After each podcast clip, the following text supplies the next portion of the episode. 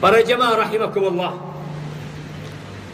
Pernah pada suatu hari Rasulullah sallallahu alaihi wasallam bersabda.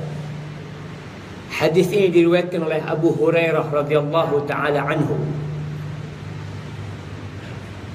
Dia mengatakan qala Rasulullah sallallahu alaihi wasallam man ya'khudhu min ummati khamsa khisalin fayamalu bihinna aw yu'allimuhunna man ya'malu bihinna Nabi Shallallahu Alaihi Wasallam mengatakan siapa di antara umatku yang mau mengambil lima perkara dari aku, dia amalkan lima perkara tersebut, atau dia ajarkan kepada orang-orang yang mau mengamalkannya dari umatku. Kita kadang-kala tahu kebaikan, tapi tidak mampu mengamalkannya. Kok ajarkan kepada orang lain? Mungkin orang itu bisa mengamalkan. Seorang mukmin harus menjadi seperti pohon kurma yang senantiasa memberikan manfaat kepada orang lain. Apa kata Abu Hurairah? Ana ya Rasulullah. Aku wahai Rasul sallallahu alaihi wasallam yang mau dengan lima perkara tersebut. Fa akhadha biyadi. Lalu Rasul sallallahu alaihi wasallam memegang tanganku dan menghitung lifa ada fihin dan dia menghitung lima perkara tersebut thumma qal lalu beliau berpesan para jamaah pulang dari masjid ini kita bawa lima perkara kita amalkan dalam kehidupan ini atau kita ajarkan kepada istri dan anak kita maka kita menjadi umat Rasulullah sallallahu alaihi wasallam yang pertama beliau mengatakan Ittaqil maharim takun a'badan nas.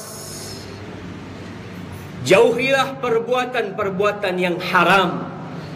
Engkau akan menjadi orang yang paling ahli ibadah di antara semua manusia.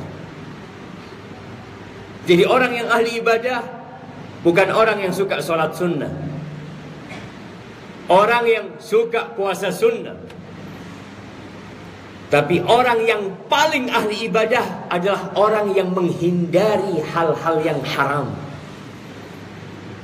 Tapi bagaimana kita akan menghindari hal-hal yang haram kalau kita tidak tahu dengan yang haram? Kita nggak pernah belajar. Kita tidak pernah membaca. Kita tidak pernah menghadiri kajian tentang apa yang Allah benci dalam kehidupan ini. Kita mencukupkan diri dengan pelajaran Islam pada waktu sekolah SD, SMP, SMA. Yang mungkin kita sudah lupa dengan semua pelajaran itu. Maka kalau kau ingin jadi orang yang paling ahli ibadah kepada Allah, maka kau harus belajar mana yang haram. Jangan-jangan selama hidup ini kita melakukan yang haram, tapi kita nggak tahu kalau itu haram. Kenapa?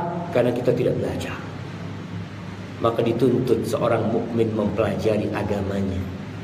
Aturan-aturan Allah harus diajari. Kita tahu tidak sembarangan orang dapat SIM bisa nyetir motor di pinggir jalan. Enggak. Ada aturannya. Mereka harus sekolah, mereka harus belajar rambu-rambu.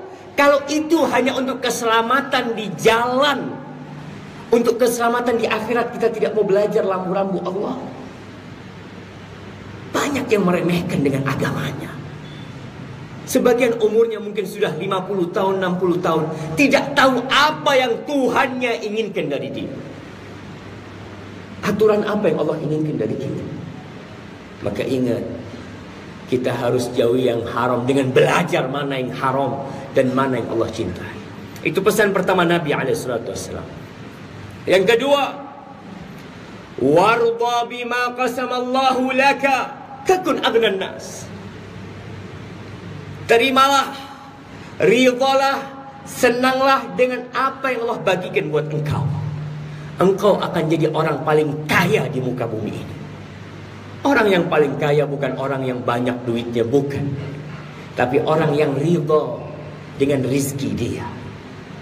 Dia merasa ya Allah kalau ini memang rizkiku aku akan syukur. Tidak pernah memandang kepada yang lebih kaya, tidak. Karena kalau dia memandang kepada motor temannya yang lebih bagus, dia tidak akan pernah mensyukuri nikmat Allah. Bahkan dia akan selalu nelongso dalam kehidupan ini. Karena dia merasa susah, fulan rumahnya lebih bagus, fulan naik pangkat, fulan diterima, aku tidak diterima. Iya, engkau akan jadi orang paling sengsara di muka bumi ini. Tapi kalau engkau menerima itu takdir Allah buat engkau. Engkau sudah berusaha. Fulan sukses, kau tidak sukses. Engkau akan jadi orang paling kaya di muka bumi. Yang ketiga. Kata Nabi alaihi salatu wassalam. Ahsin ila jarik takun mu'minan. Berbuat baiklah kepada tetanggamu. Engkau akan menjadi orang yang beriman. Subhanallah. Berbuat baik dengan tetangga itu tanda-tanda keimanan. Dan kita melihat sekarang banyak orang sudah tidak kenal lagi dengan tetangganya. Orang sudah hidup nafsi-nafsi. Tetangganya sakit dia tidak tahu. Tetangganya pindah dia tidak tahu. Ganti tetangganya juga dia tidak tahu. Mukmin tidak seperti itu, jemaah. Mukmin itu menjaga hubungan dengan Allah dan berbuat baik dengan makhluk-makhluk Allah. Maka kau memiliki sesuatu bagi kepada tetanggamu. Tetanggamu memiliki hajat, kau bisa memberikan sesuatu, berikan. Butuh bantuan, bantu dia. Maka berarti kita harus tahu dengan kondisi tetangga kita. Ucapkan salam kepada dia. Yang keempat.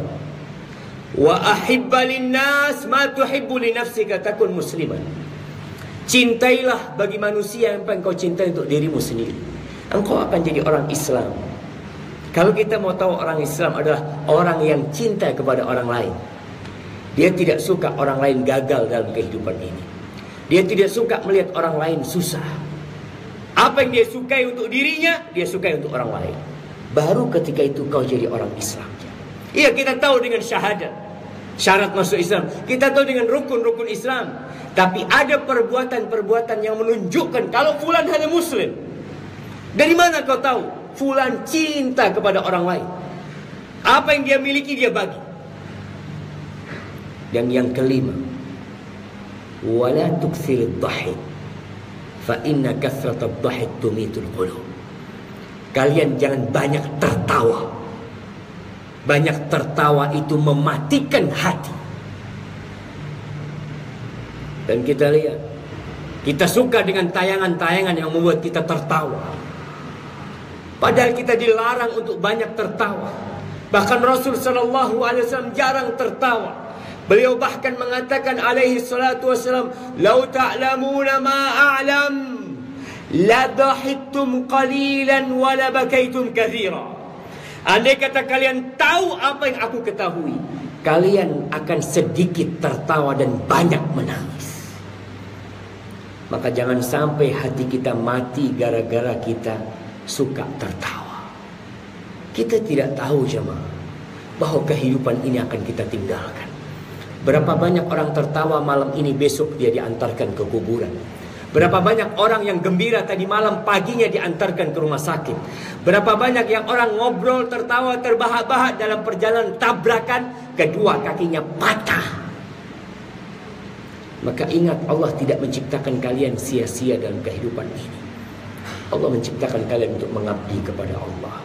Aku lu qawli hadha wa astaghfirullah li wa lakum wa lisa'il muslimin wal muslimat fastaghfiruhu innahu huwal ghafurur rahim.